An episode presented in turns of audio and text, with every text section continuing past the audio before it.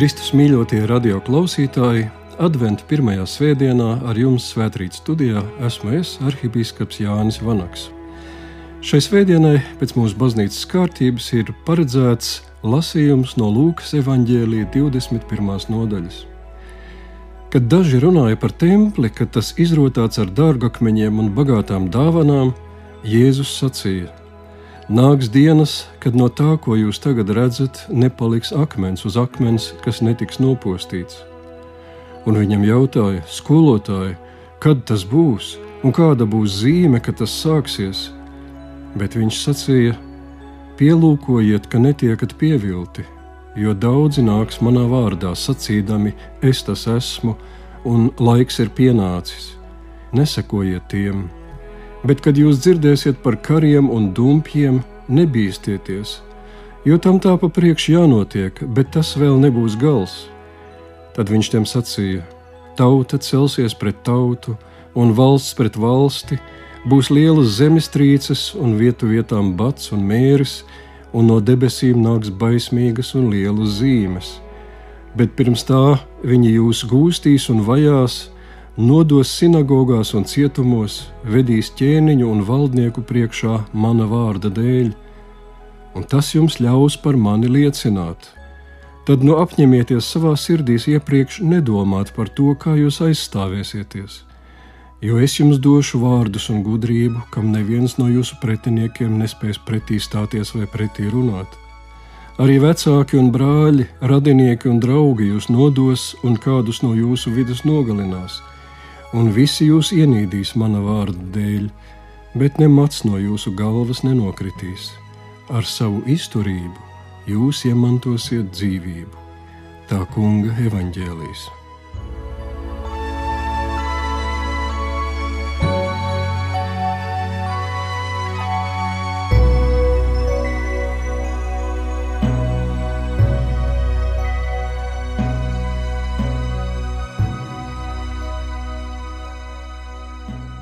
Lūksim, nāc svētais gars un apgaismo mūsu sirdis, iededz tajās mīlestību uz kungu Jēzu Kristu un svētī mūsu tavu vārdu patiesībā, jo tavi vārdi ir mūžīga patiesība.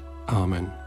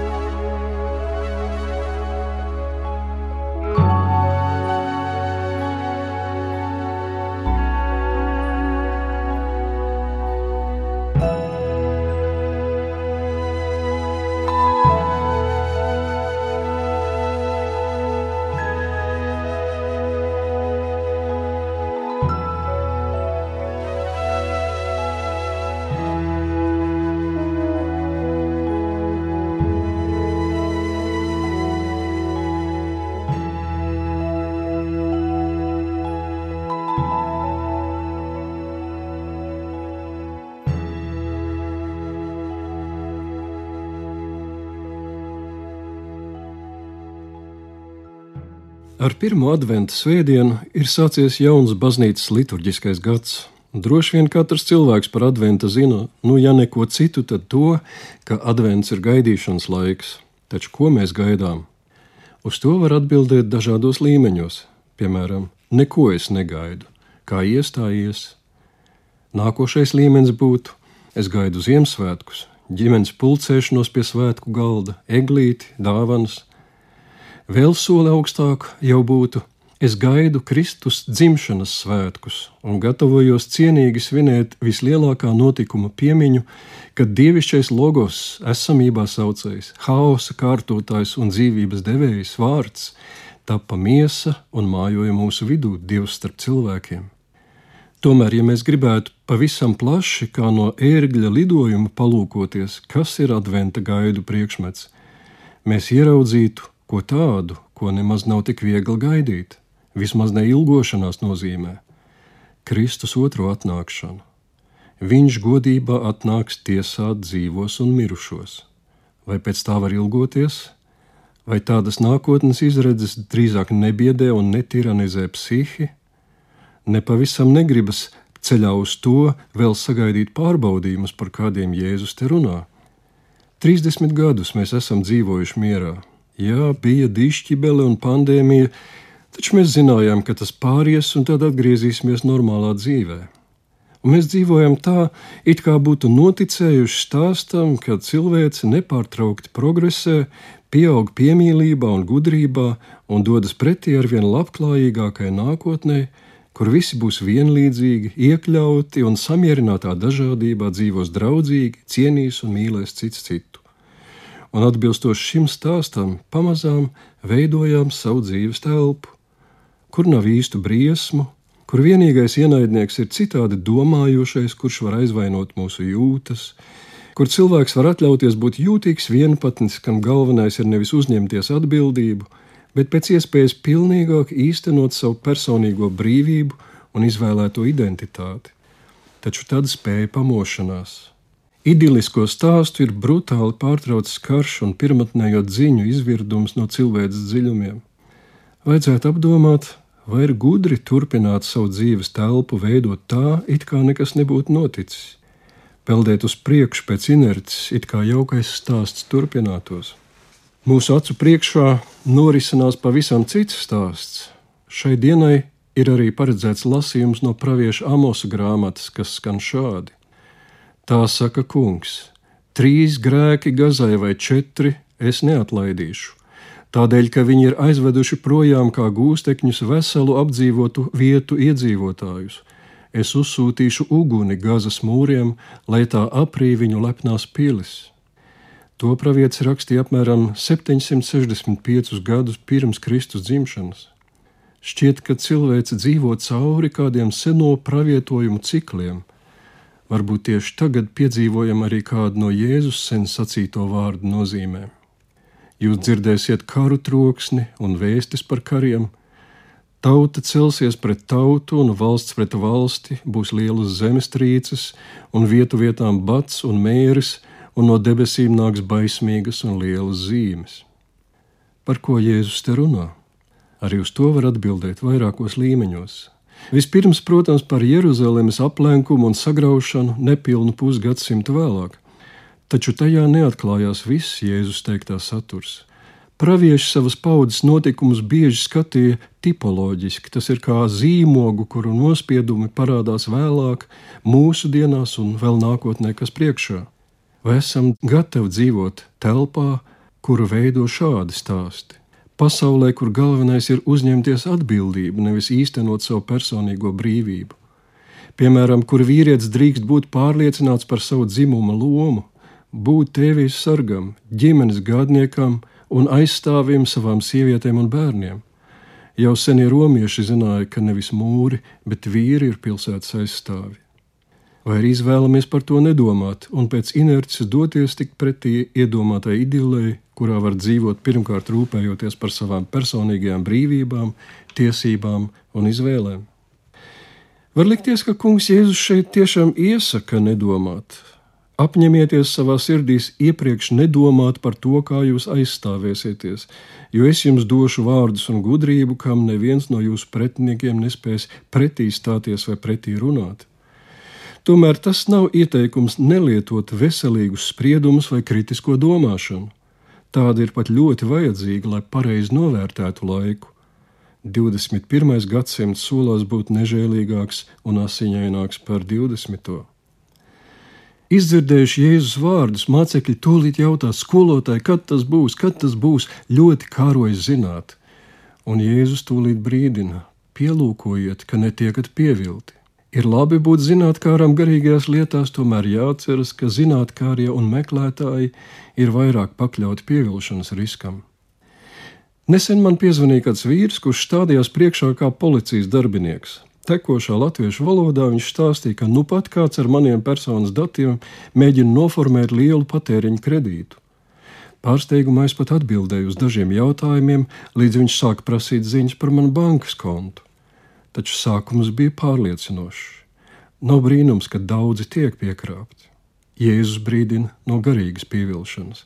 Piemēram, nāks kādi un teiks, Klausieties, nu ir taču 21. gadsimts. Nēsiet tik iesīkstējuši, ko jūs turaties pie vecām dogmām. Galvenais ir mīlēt tuvāko un būt līdzcietīgam. Pārliecinoši, vai ne? Tuvāk mīlestība un līdzcietība ir starp augstākajām vērtībām, ko Kristus māca, taču tās ir jāpārbauda ar veselīgiem spriedumiem. Citādi par līdzcietību var izvērsties par bēdīgi slaveno Freida smacējošo māti, kas neved pie laba.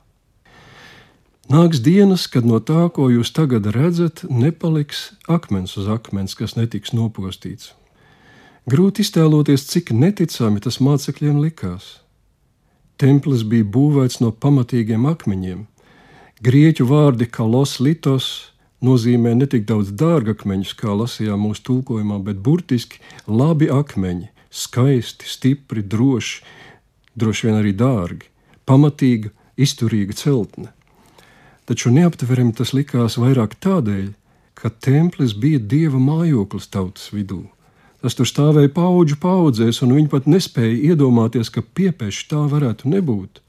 Tikai tad, kad romieši to nopostīja, atklājās zaudējuma apmēri. Liela daļa tautas tika izkaisīta pa pasauli, jo bija zudis galvenais, kas to turēja kopā. Varbūt mēs pašlaik dzīvojam kādu no Jēzus sen teikto vārdu nozīmēm. Arī mums ir skaista, kā no labiem akmeņiem celta vērtību, nozīmju, tikumu un priekšstatu celtne, ar kuru mēs rēķināmies kā ar kaut ko pašu par sevi saprotam. Tā vienmēr tur ir bijusi. Dzīves satvers paudžu paudzēs. Mēs par to īpaši nedomājam, vienkārši tajā esam. Bet, ja nu tā tiktu nojaukt, pa akmenim vien, pa tiesas spriedumam, pa steidzamam likumam, pa bērnu grāmatiņai, kas tad atklāsies? kas vēl turēs mūs kopā. Protams, ka paša aprādīto nākotnes izredzu priekšā Jēzus neaicina savus mācekļus nedomāt. Viņš tikai saka, nepievielieties, un ja kāds manis doto mācību grib aizstāt ar kaut ko citu, nesekojiet tiem. Ja esam droši, ka Jēzus ir Kristus un ka Viņš māca Dieva evaņģēliju, tad mums jābūt imūniem pret mājieniem par citādu mesiju un citādu evaņģēliju. Jēzus liek saprast, tik lielos pārbaudījumos mūsu gudrība, mūsu aprēķini un politiskā izmanība var izrādīties nepietiekama. Tā var pievilt gan pašus, gan atbildību, ko esam uzņēmušies. Tādēļ viņš saka, vispirms klausieties manī, kā es runāju savā evaņģēlijā, kā es runāju tavā sirdsapziņā. Ja klausīsies ar ausīm un sirdi un dzīvos savu dzīvi manā tūmā, Es īstajā brīdī došu gudrību, kam neviens nespēs runāt pretī. Jēzus nesola, ka būs viegli. Viņš brīdina, ka viņa dēļ nāksies ciest pat no savējiem. Viņi jūs gūstīs un vajās, nodos sinagogās un cietumos, vedīs ķēniņu un valdnieku priekšā mana vārda dēļ. Taču Jēzus rāda to kā dārgu iespēju. Tas jums ļaus par mani liecināt. Mācekļi, dzirdot par gaidāmajiem notikumiem, jautāja, kad tas notiks, bet īstais jautājums ir, kas man jādara? Kas ir mans pienākums zinot par tādu nākotni? Lai kur mēs būtu, lai kādu amatu ieņemtu, lai kādu atbildību būtu uzņēmušies, mācekļu virsuzdevums ir liecināt par Kristu. Liecināt tā, kā Viņš pats sevi atklāja savos vārdos un mūsu sirdsapziņā lai tas īstenojas dzīves telpā, kuru veidojam. Tā ir mūsu atbildība. Mēs šajā pasaulē esam viņa acis, ausis, rokas, balss. Viņš mums tic, varbūt pat vairāk nekā mēs ticam viņam. Nekad nepievilsim, nenodosim šo uzticību. Ja pienāks diena, kad nevarēs nekā citādi, mācekļiem ir jāpaliek kā sēklai zem pelniem, no kuras atzeļ dzīvība, kad uguns ir pārgājusi pāri. Lai arī kas pat labāk notiek Latvijā vai pasaulē, tas vēl nav gals. nebīsties, nemats no jūsu galvas nenokritīs. Varbūt kāds teiks, ka te nu gan Jēzus kļūdījās. Gan arī visi apstuļi un daudzi mācekļi vajāšanās zaudēja galvu burtiskā nozīmē. Kā var teikt, ka nemats nenokrita? Domāju, ka tas jāsaprot Mateja evaņģēlīja desmitās nodaļas gaismā. Kas savu dzīvību zaudēs manis dēļ, tas to atradīs. Ja kas zaudē vienu matu, visu miesu vai pašu dzīvību Kristus dēļ, tā nav nokritusi vai zemē nomesta, bet labi ieguldīta. Nav neviena, kas dieva valstības dēļ atstājis māju, vai sievu, vai brāļus, vai vecākus, vai bērnus, nesaņemt daudz vairāk jau šajā laikā un nākamajā laikā mūžīgo dzīvību, saka Jēzus. Lai gan ir 21. gadsimts, mācieties neizbīties, bailes tik un tā neko nespēs mainīt. Jēzus saka, ar savu izturību jūs iemantosiet dzīvību. Grieķu tekstā ir vārdi hipomonē. Tas nozīmē nelokāmību, neizšaubāmību, un psihē, dvēseli, apziņa. Ar izturību jūs iemantosiet dzīvību, teikts latviešu tekstā. No grieķu oriģināla varam paplašināt nozīmi lauku. Ar neizšaubāmu noturību Jēzu Kristu jūs iegūsiet savu dvēseli, savu apziņu, savu psihi, lai to nespēja tiranizēt bailes un bēdas. Jūs iegūsiet paši sevi. Noslēgumā es gribētu vienkārši nolasīt dažus pantus no Pāvila pirmās vēstules tesaloniķiešiem, kas ir paredzēti lasīšanai šajā svētdienā, taču ir ļoti atbilstoši mācekļiem 21. gadsimtā.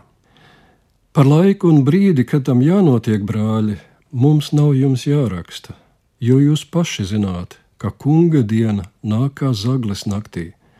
Kad ļaudis runās miers un drošība, Tiem pēkšņi uzbruks posts kā sāpes dzemdētājai, un tie nekādi nespēs no tā izbēgt.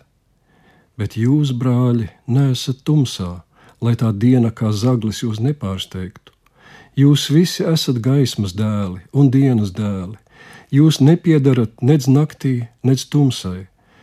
Tad nu negulēsim kā visi pārējie, bet būsim nomodā un skaidrā prātā.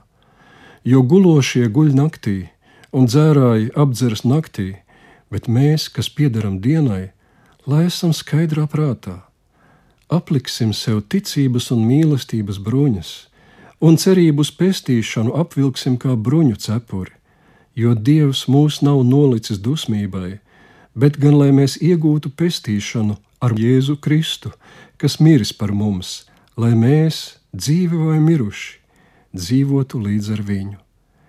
Tādēļ iedrošiniet viens otru un stipriniet cits citu, kā jūs to jau darāt. Āmen!